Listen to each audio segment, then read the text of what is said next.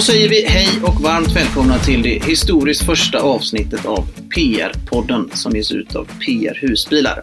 Jag heter Anders Näck och har fått äran att agera redaktör i detta avsnitt, men huvudpersonen vi ska prata med heter Fredrik Ryberg, ägare och VD av PR Husbilar. Hej Fredrik! Hej Anders! Hur är läget? Det är bra. Härligt! Det är, bra. är du spänd? Det är premiär idag. Alltid lite nervös när man gör någonting första gången. Jag menar Men det. ska bli spännande. Ja, kul, vad kul. Vi ska ju ge ut en, eh, en podcast och vi kan väl nämna det lite för lyssnarna att det här första avsnittet är ju tänkt att rikta sig ganska mycket gentemot PR Husbilar som företag och eh, dess bakgrund eh, och eh, lite kring själva företagets inriktning och sådär. Men vi har ju planer på att släppa fler avsnitt med andra inriktningar och dela med oss av all expertis som finns i huset. Och jag tänker att vi eh, kör igång.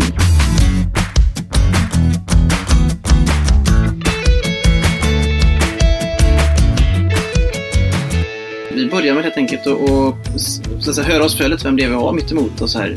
Fredrik Ryberg. Berätta lite om dig själv.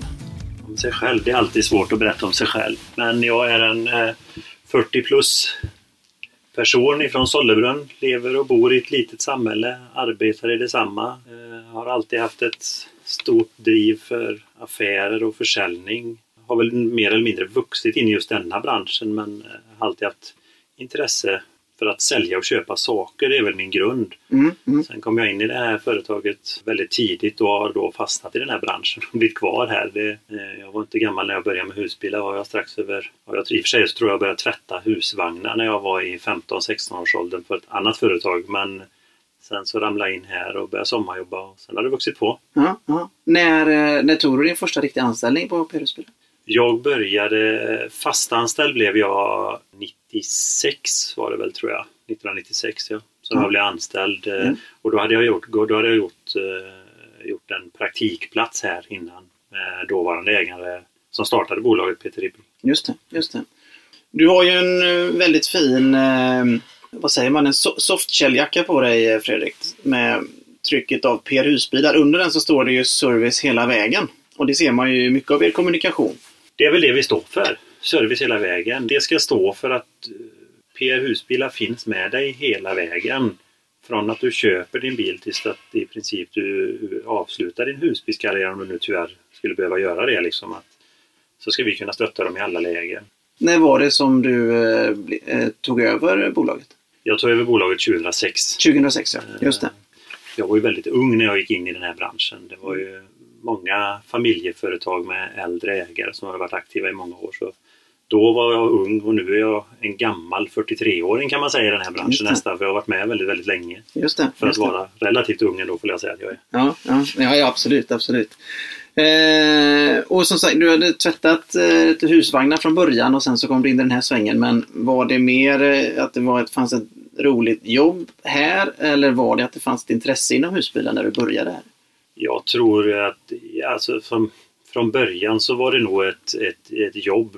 Och som sagt, tvätta husvagnar, det var ju ingen husvagnar som man inte hålla på med. Det är ju husbilar som är fokuset. Men jag, jag började ju på det snedspåret en gång i tiden också. Men det var jag, då var jag inte gammal. Jag tror jag åkte moppe, var 14 år. 14, 15 år ska man vara då. Men sen när jag började här 96 hos Peter då så var det ju så var det ett jobb och jag kände Peter. Vi, jag är uppvuxen i samhället och Peter är också uppvuxen, eller jag är inte uppvuxen men bor i, i Sollebrunn också. Och, men sen växte jag in i jag och Peter då som startade bolaget. Han, han, eh, vi funkade väldigt, väldigt bra ihop. Vi jobbade ju ihop väldigt tajt i, i tio år innan jag tog över då. Det var också väldigt roligt för jag var ju första anställda. Jag var ju den som var första heltidsanställda 96 och sen dess har jag ju, har ju jobbat här och jag och Peter, jag har ju varit med på hela företagets resa från, från början egentligen. Peter startade bolaget 89. Eh, jag började 96 fast då liksom och då var det bara han och jag och en byscha höll jag på att säga som vi hade och sen har man ju byggt upp allt det. Så man har varit med från, från, verkligen från början. Mm. Vilket gör att jag har en otrolig känsla för bolaget. Så oavsett om jag inte ägde det de första tio åren jag jobbade så, så jobbade man ju nästan som att man ägde det. För det var jag och Peter och vi var väldigt, väldigt tajta i vårt samarbete. Så att det har varit en väldigt rolig tid och jag har fått vara med från, som sagt, och det är någonting som jag är väldigt glad över. Jag har fått vara med från att börja tvätta husbilar till leveransserva husbilar, städa husbilar, laga husbilar. Jag har gjort alltihop från grunden. Och det tror jag har haft en otrolig nytta i, genom alla år. Mm, Man fortfarande även sitter inne idag som ägare så har jag ändå kunskap om att kunna gå ut i verkstaden och förstå vad killarna pratar för språk och vad de gör. Jag vet hur husbilar fungerar. Jag vet hur man lagar. Sen ska inte jag påstå att jag kan laga en husbil idag. Nej, men du vet hur det funkar. jag vet hur det funkar. Just det, just det. Men det är också en expertis som du kan dela med dig av till kunderna då som, som eh, kanske inte är så vanlig idag om man skulle gå någon annanstans och köpa husbil. Ja, det tror jag. Och, även, och framförallt förståelsen för hur saker och ting och vad som kan hända med sakerna när man har arbetat med det. Så har man en förståelse för allt som kan hända. Mm. Jag, jag eh, satt längst bak i klassrummet men om jag gjort lite huvudräkning så var det runt 30 år då när du eh, gick från anställd till att förvärva bolaget. Kan det stämma? Ja, jag var 30 år var jag, Mm. precis. Mm. Det är en ganska stor, eh, vad ska man säga, kan jag tänka mig, eh, omvandling från att vara en heltidsanställd säljare med trygg fast lön och gå till att ta över ett bolag, vilket blir en livsstil att driva verksamhet kan jag tänka mig. Alltså tankarna hade ju givetvis funnits. Alltså det fanns ju en dröm någon gång. Det finns ju allas dröm att driva något eget eller att, tror jag i alla fall, att utvecklas och komma vidare. Sen eh, när jag fick frågan 2006 av Peter, eh, för han hade alltid varit ärlig och sagt att, att, liksom att förhoppningsvis kommer du också få din chans i det här liksom på något sätt. Eller ett annan, en, annan, en eller annan väg ska vi hitta någon bra lösning. Liksom. Och 2006 så, så fick jag frågan, vill du köpa bolaget? Det kan jag säga, det var ju, det var ju det var en rätt turbulent tid i mitt liv av andra orsaker också just då. Men, men att få den frågan och besluta sig ganska fort som jag gjorde. Jag, tog, jag låste i princip in mina tankar i en vecka och bestämde mig själv. Sen gick jag ut och frågade vad andra tyckte. Men då hade jag i och för sig redan tagit mitt beslut. Men, men, men jag brukar säga så här, hade jag vetat det jag vet idag så hade jag aldrig köpt bolaget då. Men nu visste jag inte det jag vet idag då, så jag köpte bolaget och det är ju definitivt det bästa jag har gjort. Det har ju varit en otrolig resa det här för mig. Mm, mm, Att driva detta företaget från det, var, det det var då till det det är idag. mm. Ja, det kan, om det är något som är resa så kan Ja, precis. Ja, Så är det. Ja, och, och på tal om resa och lite radioövergång då. Eh, om vi ser tillbaka på de 30 åren som, som bolaget har funnits. Eh, finns det några speciella årtal som du skulle lyfta fram eh, som har haft stor betydelse för verksamheten? Absolut, de hade jag skrivit upp på ett papper och så glömde jag det. nu. Men, eh, Mm. jag vi- dig lite på traven då. Det, det startades en hus, husbilsklubb. Ja, det gjordes ju... eh, 89 startades bolaget, 94 startades en husbilsklubb. Eh, husbilsklubben eh, startades av, av fem familjer som, som var med på företagets femårsjubileum. Så hade han bjudit in alla sina kunder den starten som hade aktiva husbilsåkare som kom på en träff. Mm. Och de tyckte det var så himla trevligt att träffas och så vidare och då kom det här förslaget upp och då frågade ju de om jag kan hela historien rätt hundra, det, det vet jag inte men jag tror då frågade de väl i princip Peter, är det okej om vi startar en husbilsklubb i, i PR Husbilars namn? För vi tycker det här var trevligt och vi skulle gärna vilja ha en, kunna göra om detta och givetvis var Peter på det.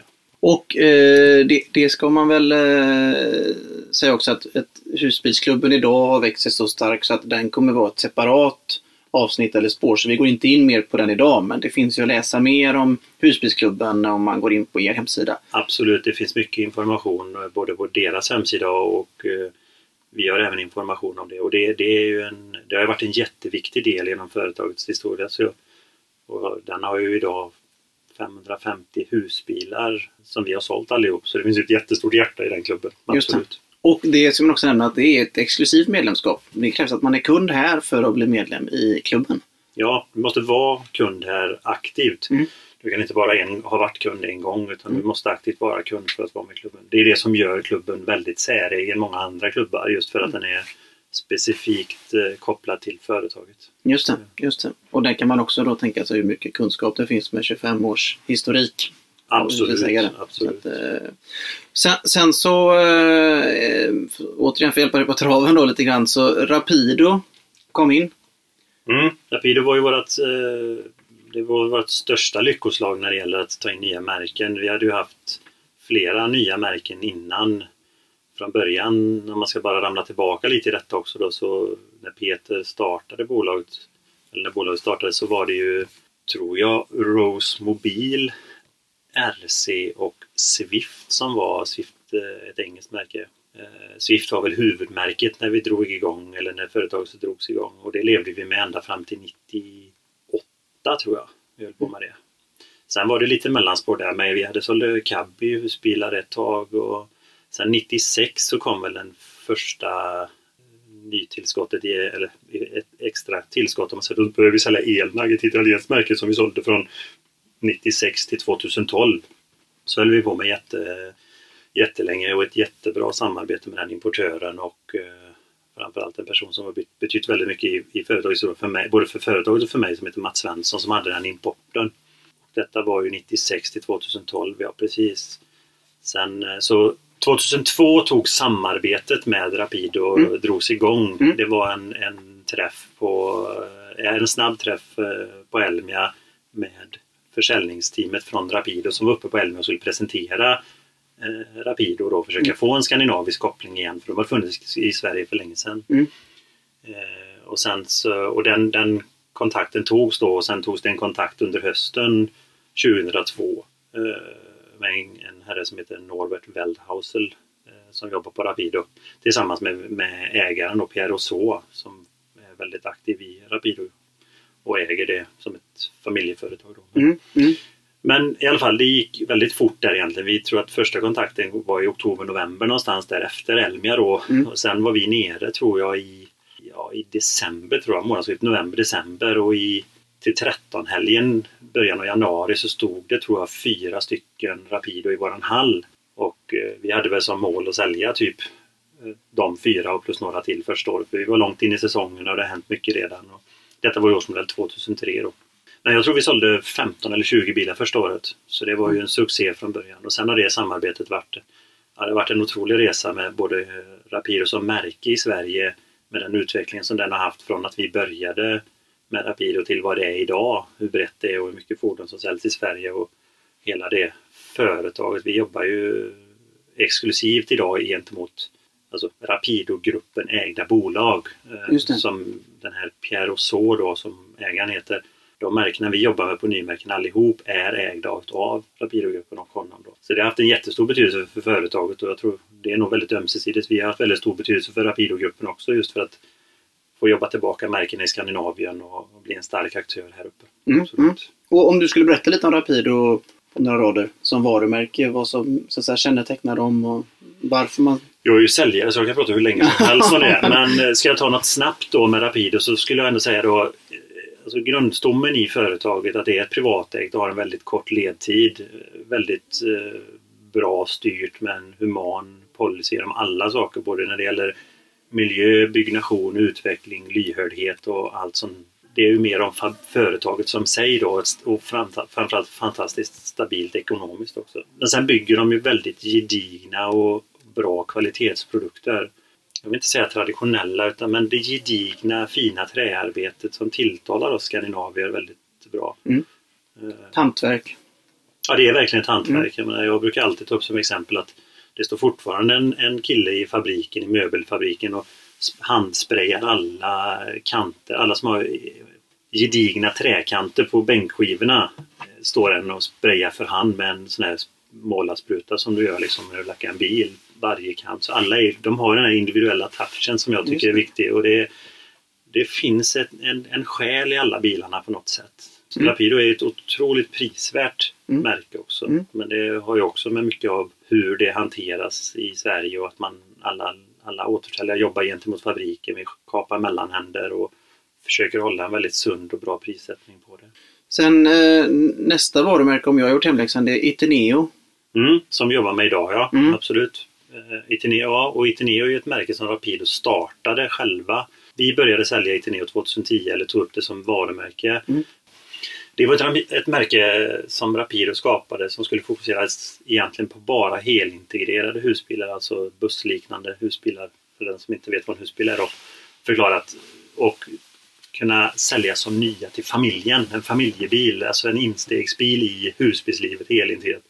Det var också väldigt revolutionerande. Det fanns liksom inget sånt i det prissegmentet när de började med det och det, det, de tog, ska, att man kan tycka att det är konstigt att ett bra varumärke skapar ett nytt märke men anledningen till att de gjorde det var ju för att de ville verkligen särskilja exklusiviteten och på, mellan Rapidon och Itineon så pass mycket för att och då vill de inte plocka ner Rapido som varumärke till den typen av genre av bil. Det är lite som om att Audi skapar Skoda eller har Skoda i sitt park för att man, det är jättebra bilar båda två men man Mm, vill inte ha mm. samma varumärke på dem. Just det. Och för att det. kunna bygga liksom en helt egen stil på detta då. Mm. Och det har ju varit jättelyckat också. De har ju byggt eh, jättemycket trevliga, framförallt barnfamiljsbilar där de bygger med våningssängar och flera bälten och så vidare för att familjen ska kunna använda den och så vidare. I en, en väldigt attraktiv prisklass då. givetvis. Just det. Just det. Och eh, vilket varumärke kom in sen? Efter Itineo? Mm, sen kom ju Dreamer, eh, också ett, eh, ett eh, Rapido-ägt varumärke som bygger bara plåtisar då, eller vänar. Just det. med också väldigt mycket innovativa lösningar. Dreamer, det finns ju en grund bakom Dreamer som Rapido valde att köpa upp en del väntillverkare under en period som, för att skapa det när de plockade in vänar i Rapido-segmentet. Och då grundade de Dreamer på, på ett annat fabrikat och gjorde för export. Och tillsammans med det här, den här utvecklingen så har de tagit fram en del patenterade lösningar, till och med med toalettlösningar och grejer. Som, eh, och bygger också lite bredare stilar då. De har ju både exklusivare och enklare vänar då. Just det. Mm, mm. Ja, kul. Och sen så är det ett varumärke kvar, det tror jag att du kan.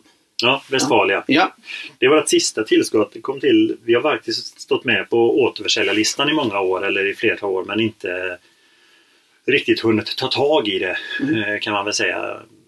De har jagat oss i några år att vi ska ha de här bilarna hemma och, och eh, det är väl egentligen tre år sedan nu som vi började plocka hem de första modellerna och har valt att jobba lite annorlunda med, den, med dem. Att vi tar hem färdigspecade bilar egentligen som vi säljer när de kommer hem istället för på beställning som vi gör på mycket annat. just. Mm. Eh, Men det är ju, det är ju lite, vad ska man säga, värnarnas vän på något sätt. Alla som, eh, de flesta som har sett en gammal folkvagnsbuss eller någonting har sett ett tak som det står Westfalia på eller någonting. Så det finns en otroligt lång historia i Westfalia när det gäller vänbyggnation och påbyggnation på folkvagnsbussar och så vidare. Även om idag de största volymerna byggs även de på Fiat Ducato men då en, en relativt exklusiv van med väldigt mycket väldigt mycket speciella utrustningsnivåer. De jobbar med vattenburen golvvärme i en van. De jobbar med väldigt mycket smarta också lösningar och optimerar väldigt mycket stuvutrymme och modulerbarhet i bilen där man kan förändra och lasta och inte lasta. Och, och bygger en, ja det är en fantastiskt fin van är det, Mm. absolut. Mm. Och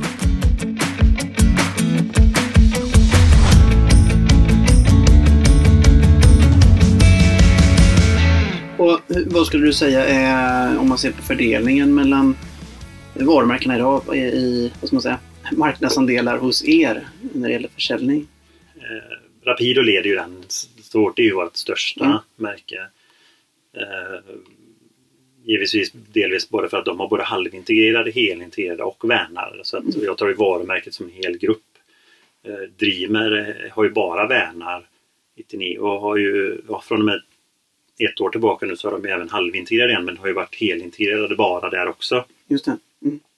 Så jag skulle nog säga Rapido, Rapido Itineo, Dreamer, Westfalia. Där är ju hur, hur volymen lig, ligger idag. Just det. Det. Just det. Och, och om vi siar om framtid om säg fem eller tio år ungefär, ser du någon Tror du att det kommer se annorlunda ut eller kommer det vara ungefär så det ser ut?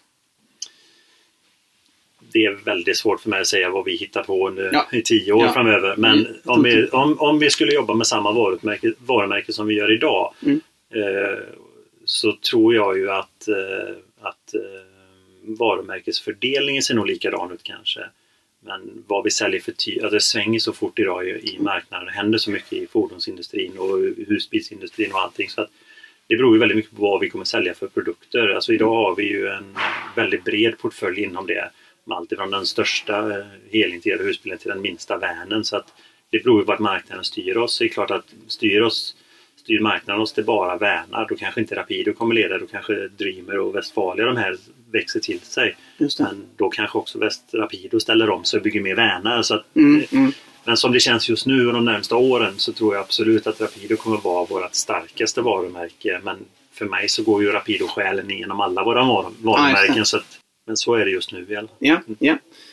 Eh, och, och förutom varumärken som har kommit in så, så eh, en, ja, det har ju skett väldigt mycket som sagt under de här åren men, men en utbyggnad, utbyggnad säger man väl kanske. Ja, byggnationer har ju varit. Ja, det, är ju, det är ju en tråd genom hela tiden också. För jag menar, vi har ju utvecklats ifrån 89 till 2019 då kan man ju säga på något sätt. Och att, Och från hur många kvadrat? Ja, det är 89 från, tills idag. eh, 89, vad kan den byschan vara på? Eller de två byschorna kan de vara på 100 kvadrat. Mm. Inomhus då med lager och försäljning och personalrum och allting. Det var två baracker som vi satte ihop i princip och la tak på. Så ställde vi bilarna utanför. Ja, idag, herregud, vad har vi idag? Vi har... Jag fördelar gärna upp det istället för det är lättare Mm. för mig att komma ihåg eh, måtten. Vi har väl ett kontor som är ungefär 250 kvadrat kanske med lite utställningsytor och sen sånt. Och sen har vi en utställningshall som vi har och så har vi en butik, en kamerabutik. Sen har vi en leveranshall på 100 kvadrat. Sen har vi en städdel av verkstaden, eller ett städ, städrekonditionering. Mm. Sen har vi en snickeriverkstad med två lyftar som är också ungefär 250 kvadrat. Sen har vi en nybyggd del av verkstaden som vi byggde här nu då för tre år sedan är det väl snart nu då. Som är på 1300 kvadrat till, ren verkstad. Det är ett fantastiskt tillskott. Den är väldigt, väldigt, väldigt fin. Mm. Det är 5200 kvadrat var det till. Ja, Ja, det är nog det plus lite till. ja, Som ja. jag. ja härligt, härligt. Eh, och sen till sist så finns det ett eh, ro- roligt eh, rekord också från 2017. Kan du det? Utan till. Det var försäljningsmilstolpar eh, milstolpar, som man säger. Det var ju Ja, absolut en milstolpe för vi hade stannat på 99 innan. Och det var ju så här, och jag sa vi ska inte vi ska inte på något sätt påverka resultatet för det var väldigt lättare att säga 100. Ja, ja. Men vi hade stannat på 99 så 100, nej det var en milstolpe absolut. Det Mm. var väldigt, väldigt roligt att Mm. att- att gå över det. Och då kan jag ju tillägga då att 2018 avslutade vi, då sålde vi 124 Oj. nya bilar. Ja. Ja, jag kommer inte exakt ihåg siffrorna nu men, det, men nya var 124. Ja. Jag har Det är alltså en eh, 25% ökning bara från, eller 24% ökning då. på nyfordon ja. Från 17 Ja. till 18 då. Men vi hade en jättestark utveckling mellan 2000, 2017 och 2018 av många olika anledningar. Rapido kom med ett eh, vansinnigt starkt eh, program där de eh, det kom väldigt mycket nya små förändringar, eller små förändringar, det var rätt stora förändringar också, men små förändringar gällande deras stående planlösningar som gjorde att vi fick en otroligt massa Rapido-kunder som bytte tidigare än vad vi trodde att de skulle ha gjort på grund av att det påverkade bilarna så pass mycket. Okej. Mm. Så att 2018 var verkligen ett, ett rekordår. Ja, roligt. Och du nämnde ju eh, städ, rekonditionering, verkstad och sådär. Hur länge har ni varit så att säga fullservice? Jag var ju verkstaden i mina första år eh, här Ja. med Peter. Då hade vi definitivt inte fullservice för då lejde vi in väldigt mycket jobb via en, en extern verkstad också i början. Men 99 eh, byggde vi vår egna första verkstad på 100 kvadrat. Två portar och vi tyckte nu jädrar nu har vi utrymme och kan greja här. Just det. Mm. 2004 byggde vi en ny verkstad på 400, ja, nästan 500 kvadrat, 420 kvadrat tror jag den var på. Och tänkte att nu, nu, nu jädrar, nu har vi plats. Nu kommer vi aldrig behöva bygga någonting mer igen. Check. Och herregud, vad det, den var vi trångbodda i på några år. Så att, eh, sen, sen ska jag säga att vi jobbade med väldigt bra logistik och väldigt mycket extra utrymme som vi använde på, företaget på många sätt under många år. Tills vi fick färdigt vår satsning nu då 2000, eh, 2016 blev det ju då. Mm. Med den nya verkstaden. Och då tänkte vi att nu kommer vi aldrig mer behöva bygga någonting. Det sa jag, nu kommer vi aldrig bygga något mer. Nej, nu- är det nog. Men alltså verkstadsdelen är ju vårt hjärta i företaget och alltid varit. Och idag som sagt så förfogar vi över 1300 14, 15, 16, 17, 18. Ja, säg att vi är någonstans mellan 1800 och 2000 kvadratmeter verkstad. Och vi känner att vi skulle kunna utveckla den ännu mer om vi vill. Nu ska man hinna och klara av att hantera. Vi är väldigt, väldigt måna om att kunna hjälpa våra kunder och så vidare. Och idag är vi väldigt, väldigt breda där. Vi kan göra i princip allting utan att lackera. Vi har ju specifika tvättlokaler, vi har specifika lokaler för olje, eller inte lokala, men delar Mm, i verkstaden för motorservice och kamremmar och oljor och så vidare. Och speciella uppbyggda system för att montera olika saker på bilar. Så Mm. Idag kan vi väl göra allting så att nu är det väl egentligen bara en fråga om att utveckla och Just det. hantera det. Finns det någonting som ni har eh, måste säga, börjat erbjuda era kunder men som inte har varit så lyckat eller inte varit så efterfrågat? Jag vet inte exakt vad det skulle kunna vara. Men... När det gäller, alltså när det gäller eftermarknad och kundsupport eller på sätt eller kan stötta kunden så, så kan vi känna att där har vi ju aldrig misslyckats för att satsar man på någonting så är det oftast efterfrågat. Vi har ju nästan tyvärr då ska man väl säga inte kunnat föregå kunden med deras önskemål utan snarare släpat och försökt utveckla oss hela tiden i den riktning som kunden vill och vara lyhörd på vad kunden söker och så vidare. Sen, sen är det väl så att vi hinner inte, vi har ju större efterfrågan, vi har ju större efterfrågan idag på service än vad vi klarar av i våra verkstad och framförallt när det gäller motorservice och sånt i dagsläget då att man skulle kunna utveckla och, och anställa mycket. Men vi har också alltid haft en filosofi, eller jag har alltid haft en filosofi genom mina år som företags, eller som har drivit det här företaget, att man ska skynda långsamt. Vi ska stärka våran position, vi ska växa in i alla roller, vi ska utvecklas på det sättet så att vi kan hantera, hantera det hela tiden. Därav så tror jag också att det är när man säger att för våran del när vi gick över målet så är det 100 nya fordon. Faller tillbaka på det grann, så tror jag det handlar om att det skulle vi ha kunnat gjort tidigare om man bara hade gasat. Men Mm. vi har försökt balansera gas och broms för att sälja 125 nya fordon kräver också ett jätteengagemang från företagets sida och verkstadens kunskaper för att kunna hantera och stötta alla dessa kunder också. Det är ju inte bara att sälja dem. Hade det varit bara att sälja dem så hade vi säkert kunnat sälja 200 fordon. Mm. Men eh, vill man göra det rätt och riktigt och att det ska funka långsiktigt så, så, så kan man inte bara gasa utan man måste vi har sagt det att vi ska inte sätta några bilar på marknaden som vi inte kan hantera efteråt. Mm. Och det tycker jag att alla skulle ha som krav på sig. Jag tycker att den, den grundfilosofin tycker jag alla företag ska ha. Att levererar du en bil så ska du också kunna hantera alla de problemen. Givetvis finns det vissa saker som man inte kan hantera och, ska inte hantera. Men man ska kunna ta hand om sin kund och kunna serva den kunden så länge den har bilen kvar. Är, Service hela vägen. Ja, precis. Mm. Det är, det är vårt led, ledord här. Nej, men det är jätte, för mig är det jätteviktigt att, att vi ska kunna stötta våra kunder. Eh, och sen såklart att eh, det har varit mycket under de här åren så förstår jag att det har hänt mycket i branschen också kan jag tänka mig. Allt ifrån bilarnas utveckling till motorer till eh, säkerhet till... Pratar du från 89 till... Nej, jag vet inte hur. Vi kan väl, vi kan väl ta... Vi kan väl försöka göra någon, någon form av eh, eh, historisk utdykning i vad som har skett. Eh, Det går rätt fort för det har inte hänt så mycket när det gäller Nej. motorer och sånt egentligen. Och det Ja. har det gjort. Det har varit en otrolig utveckling. Men jag Mm. menar, när vi 89 när vi sålde nya husbilar, sålde inte jag ens husbilar. Men när jag började sälja husbilar då var ju då fanns det motorer som var på 75 hästkrafter bensin Mm. och eh, 115 hästar turbodiesel. Och sen har de chassin uppdaterats. Idag finns ju inte bensin så aktivt längre. Det finns på lite Westfalia-modeller där man bygger med pop-up roof och grejer. Därför kan man köpa på folkvagn idag på bensinmotorer. Men i övrigt så är det ju diesel generellt. Och så chassina har ju utvecklats. De har egentligen haft några få eh, stora år. Om man säger 2002 kom ett nytt uppdatering av chassi. 2000, ja, 2002 kan man säga. Sen 2007 kom en väldigt stor förändring. Det kom ett helt nytt chassi från Fiat. Det som egentligen lever fortfarande idag fast i en uppdaterad fattning. Sen har de förändrats och uppdaterats år efter år. Mm. Eller inte år efter, inte varje år men givetvis men vid flertal tillfällen. Allt eftersom. Ja, Mm. absolut.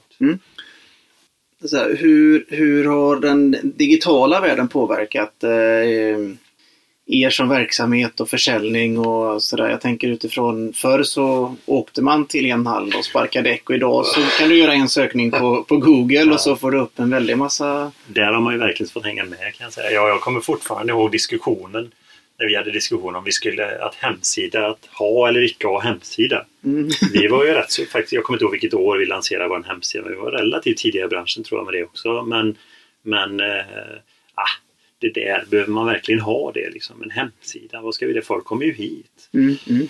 Eh, och det var ju förbaskat enkelt när folk kom bara hit kan jag säga. Det tyckte jag var trevligt.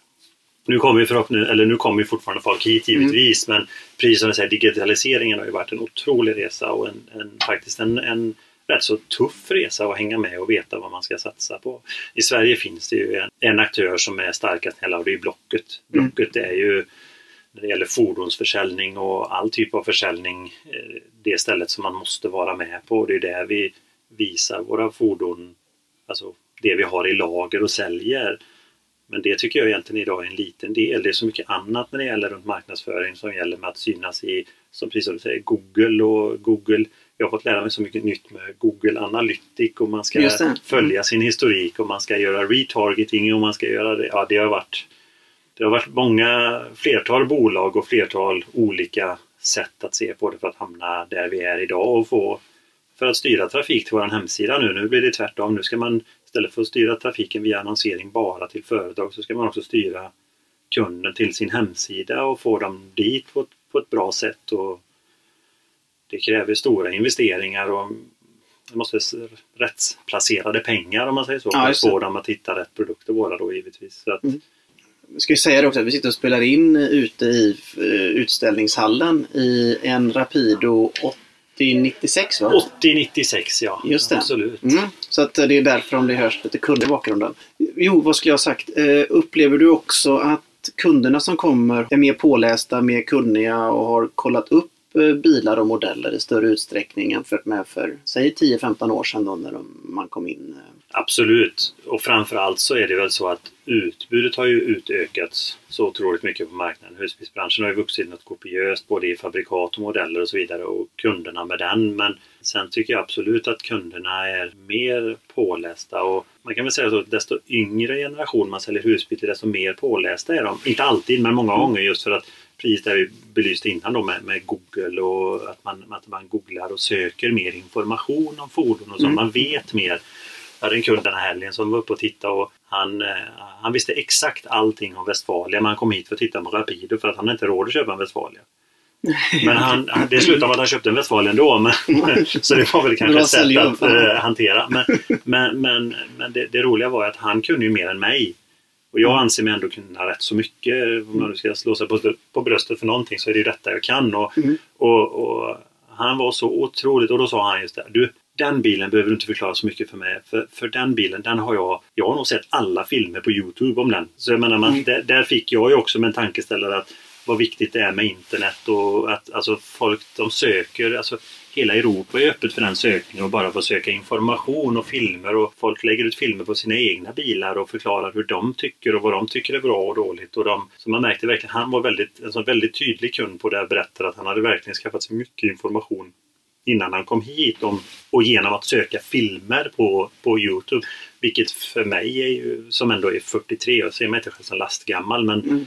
där var ju han vaknare än mig. Liksom. Jag tror inte att om jag skulle köpa en husbil vet jag inte om jag hade sökt på filmer på Youtube. Men han, det fanns mycket och jag sökte sen. Jag var ju tvungen att prova. så att det fanns jättemycket. Ja, ja, spännande. På tal om eh, det som du var inne lite på där. För jag kan tänka mig också att det har hänt en del vad gäller målgrupper och kunder och sånt. Att det, det föryngras allt eftersom eh, känns det som. Det gör det absolut. Eh, Alltså Sverige går ju bra ekonomiskt. Folk Mm. har pengar. Folk tycker om att satsa på det fria frihet och semester och aktiva livet. Det märker vi otroligt mycket. Och det, det, vi, vi slår ju ändå ett slag, slag för det med att alltså husbilsresandet är ett ganska miljövänligt sätt att semestra. Mm. Eh, även om bilarna går på diesel så lever man ju med oftast på, på något sätt på ett med naturen. Man rör sig i naturen, man cyklar mycket, man spelar golf, man håller sin hälsa i god form för att man är aktiv och så vidare. Och det, eh, och det har ju kommit också att det växer ner. Alltså idag säljer vi ju husbilar. Förr så sålde man husbilar till äldre par som skulle åka och titta på fina ställen och det är väl grunden. Hemristning. eh, Ja men precis, det är väl tanken i det. Mm. Men idag säljer vi ju husbilar från familjen som spelar tennis eller golf med barnen till hockeyläge, till fotbollscup. Alltså de här som, som är aktiva i det. Eller, alltså, allt, allt sport blir ju väldigt bra med en husbil där man har tröttnat på hotellnatter och den konsumtionen av eh, tvätt och hotellfrukost när man kan gå ut i husbilen eller vakna upp i husbilen istället utanför hockeyarenan eller golfbanan eller vad man nu vill göra. Mm. Så det är ju verkligen, och det har verkligen gått en trend i det också. Alltså förr så var det nästan jag ska inte säga att husbilarna var någon typ av de har, tycker jag, aldrig varit riktigt inrutade i ett fack där just den konsumenten köper. Husvagnarna var ju lite mer liksom husvagn, camping och så skulle man stå där. Mm, mm. Ja, precis. Husbilarna har aldrig liksom fallit in i ett sånt fack. Jag tycker ändå hela tiden vi har haft en väldigt flexibel kundgrupp. Men idag är det verkligen allt ifrån från, ja, från väldigt välbärgade personer till de som, som skrapar upp det sista verkligen för att kunna eh, komma ut i en husbil. Och det märker Mm. vi på kunderna och vi har alltid sagt att man ska alltid man ska aldrig döma någon efter vad de köper utan alla som köper husbil ska ha samma villkor och samma förutsättningar. Och det tror jag är en av våra vinster i längden också, att vi behandlar alla kunder på, på samma sätt.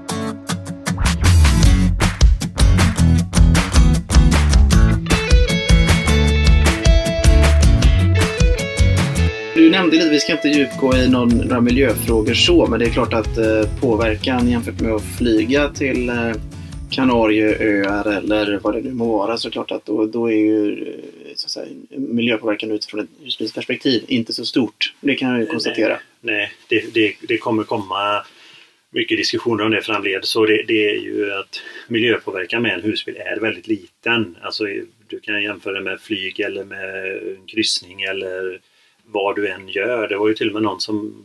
Det finns ju en norsk analys där nu som har gjorts med...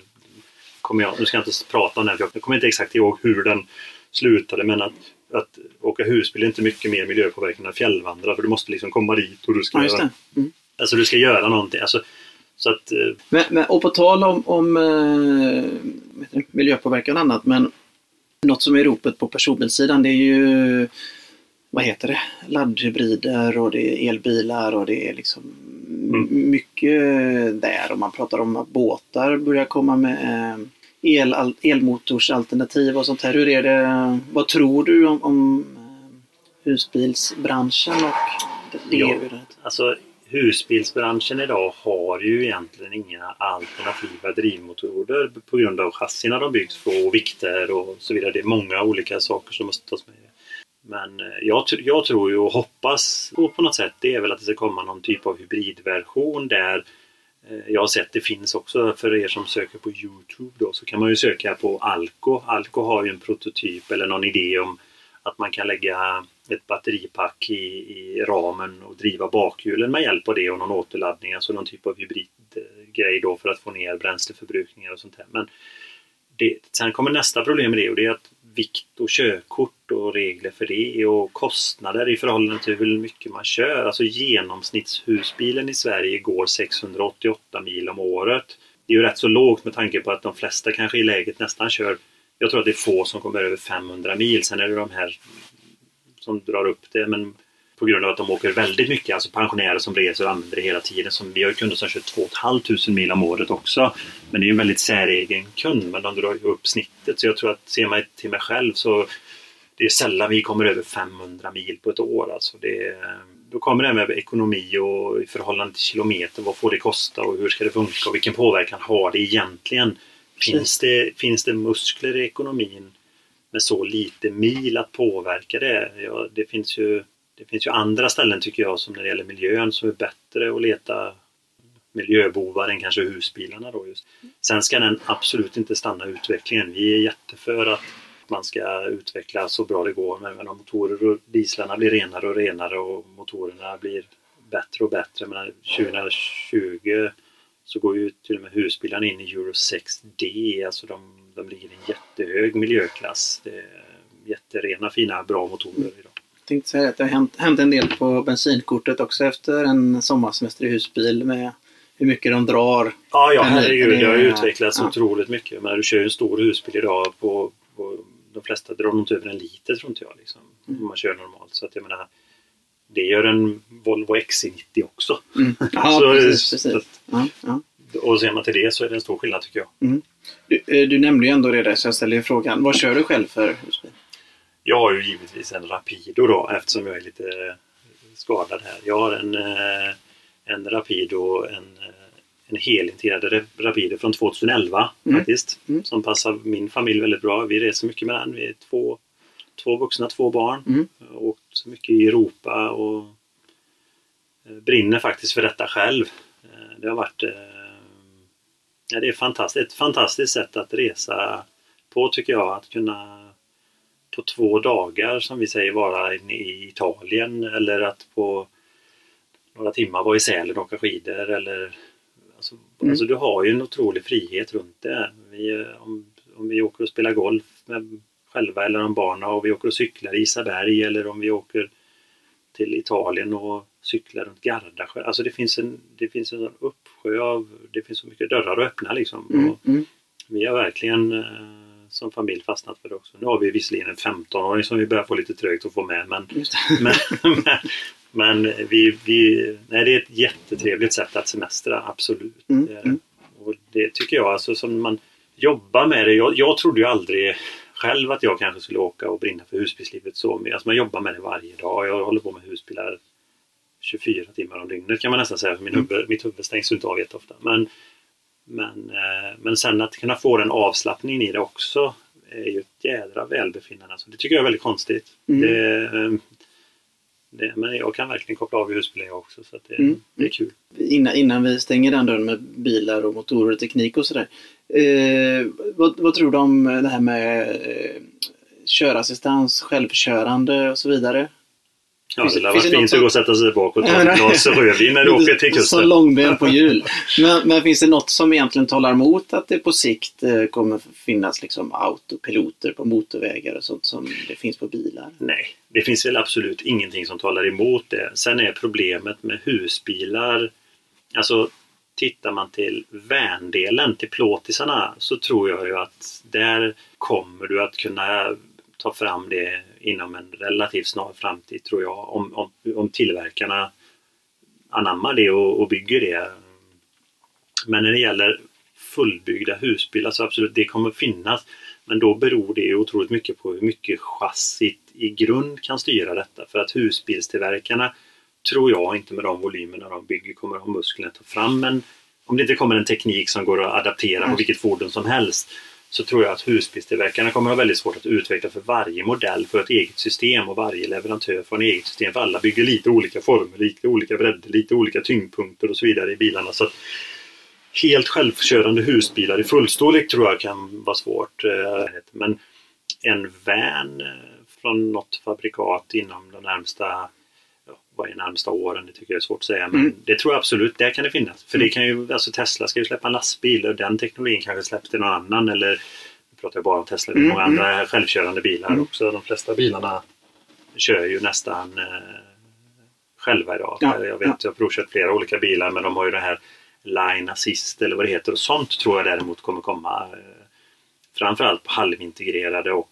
van öppnar där den läser linjer och läser framförvarande bilar och kan hålla avstånd med adaptiva farthållare. Sånt hoppas vi på i nästa chassiuppgradering. Mm, mm. Eh, men vad det blir för funktioner i det är svårt idag att säga tycker jag. För mm. det beror väldigt mycket på tillverkaren, alltså från Fiat eller Mercedes ja, eller vilka som bygger chassit. Då. Mm. Men Elon Musk har ju en tendens att dela med sig av sin teknik och patent så vi får hoppas att han ja. gör det även vad gäller eller lastbilarna. Då. Absolut, det är väl en jättespännande eh, framtid som vi ser också. Mm. På tal om just framtid, hur, hur ser det ut framåt? Är det någonting som kommer mm, ske eller adderas på inom PR-husbilar som är värt att nämna eller lyfta? I år så har vi våra 30-årsjubileum. Mm. Det är ju värt att nämna tycker ja. jag. Eh, vi eh, började väl egentligen 30-årsjubileum lite lätt i höstas. Vi fyllde ju 30 år men mm. genom att producera en tidning där mm. vi presenterar oss själva. Vi eh, har tagit fram en, en ett lotteri, ett 30-årslotteri där vi kommer lotta, lotta ut lite gåvor och så vidare. Alla som köper bil under detta året. Det kommer komma lite kampanjer framgent under året med med och på något sätt att kunna fira. Sen har vi ju själva eh, höjdpunkten med det hela. Det är ju att vi har en stor jubileumsfest i augusti. Tillsammans med Husbilsklubben då som då fyller 25 år. Just det. Så vi firar ju ett stort jubileum. Där räknar vi med, med, tror jag att, eller vi tror inte att vi räknar om att det kommer en 350 husbilar kanske. Så runt 650 personer kanske. Vi har ju gjort de här var femte år, jubileumsträffarna som vi säger. Och sist var vi 650 personer i Nossebro. Mm. Ja. Eh, på den idrottsplatsen där. Mm. Och det var lite för lite den här platsen så nu har vi flyttat till Vårgårda istället. Men eh, det var ju en otroligt eh, rolig helg. Mm. Säga, tillsammans med. Och då bjuder företaget och klubben in alla kunder som är med i Husbilsklubben. Så där, vi kan inte bjuda in alla våra kunder. Det, det har vuxit oss ur händerna. Utan alla som är medlemmar i PR Husbil, aktivt medlemmar i PR Husbilsklubb får en inbjudan till detta. Just det, just det. Och det är i slutet på augusti sa vi? Ja. ja, ja härligt. Eh, och vill man så att säga ta del av eh, PR Husbilars, inte bara 30 utan löpande med vad som händer och nyheter och kunskap med mera så finns ni i sociala medier. Absolut, vi finns på Facebook, vi finns på Instagram, vi har ju en hemsida och vi försöker marknadsföra oss så bra vi kan. Ja. Eh, Det är ju, våran brist är ju alltid tiden. Så att eh, inläggen kanske inte blir, blir allt för ofta men vi försöker göra intressanta inlägg istället då. Mm. Så att eh, absolut, vi försöker synas och vi annonserar mycket och finns överallt. Och vår hemsida Precis, prhusbilar.com ska vi säga. prhusbilar.com. Ja, Mm. precis. Mm, just det. Vi ska också nämna att den här podcasten ges ut av PR Husbilar och samarbete med Glory Days är den producerad. Vi vill ju självklart ta emot feedback ifrån er lyssnare eh, på vad ni tyckte och ratea den gärna eh, där det går att göra. Ni kan kontakta oss via sociala medier och eh, via info.prhusbilar.com. Och eh, har ni önskemål eller konkreta saker ni skulle vilja veta mer om eller få tips om så Fredrik så delar du väl gärna med dig av det? Absolut, absolut. Vi har ju både verkstadspersonal och vi har säljare och mycket kunskap inom bolaget. Som sagt, som du sa Anders, vi har 30 års erfarenhet av husbilslivet så att eh, tipsa oss gärna om vad ni skulle vilja få information om så ska vi se om vi inte kan skapa något mer av det. Precis. Och med det då säger vi tack och hej. Tack, hej!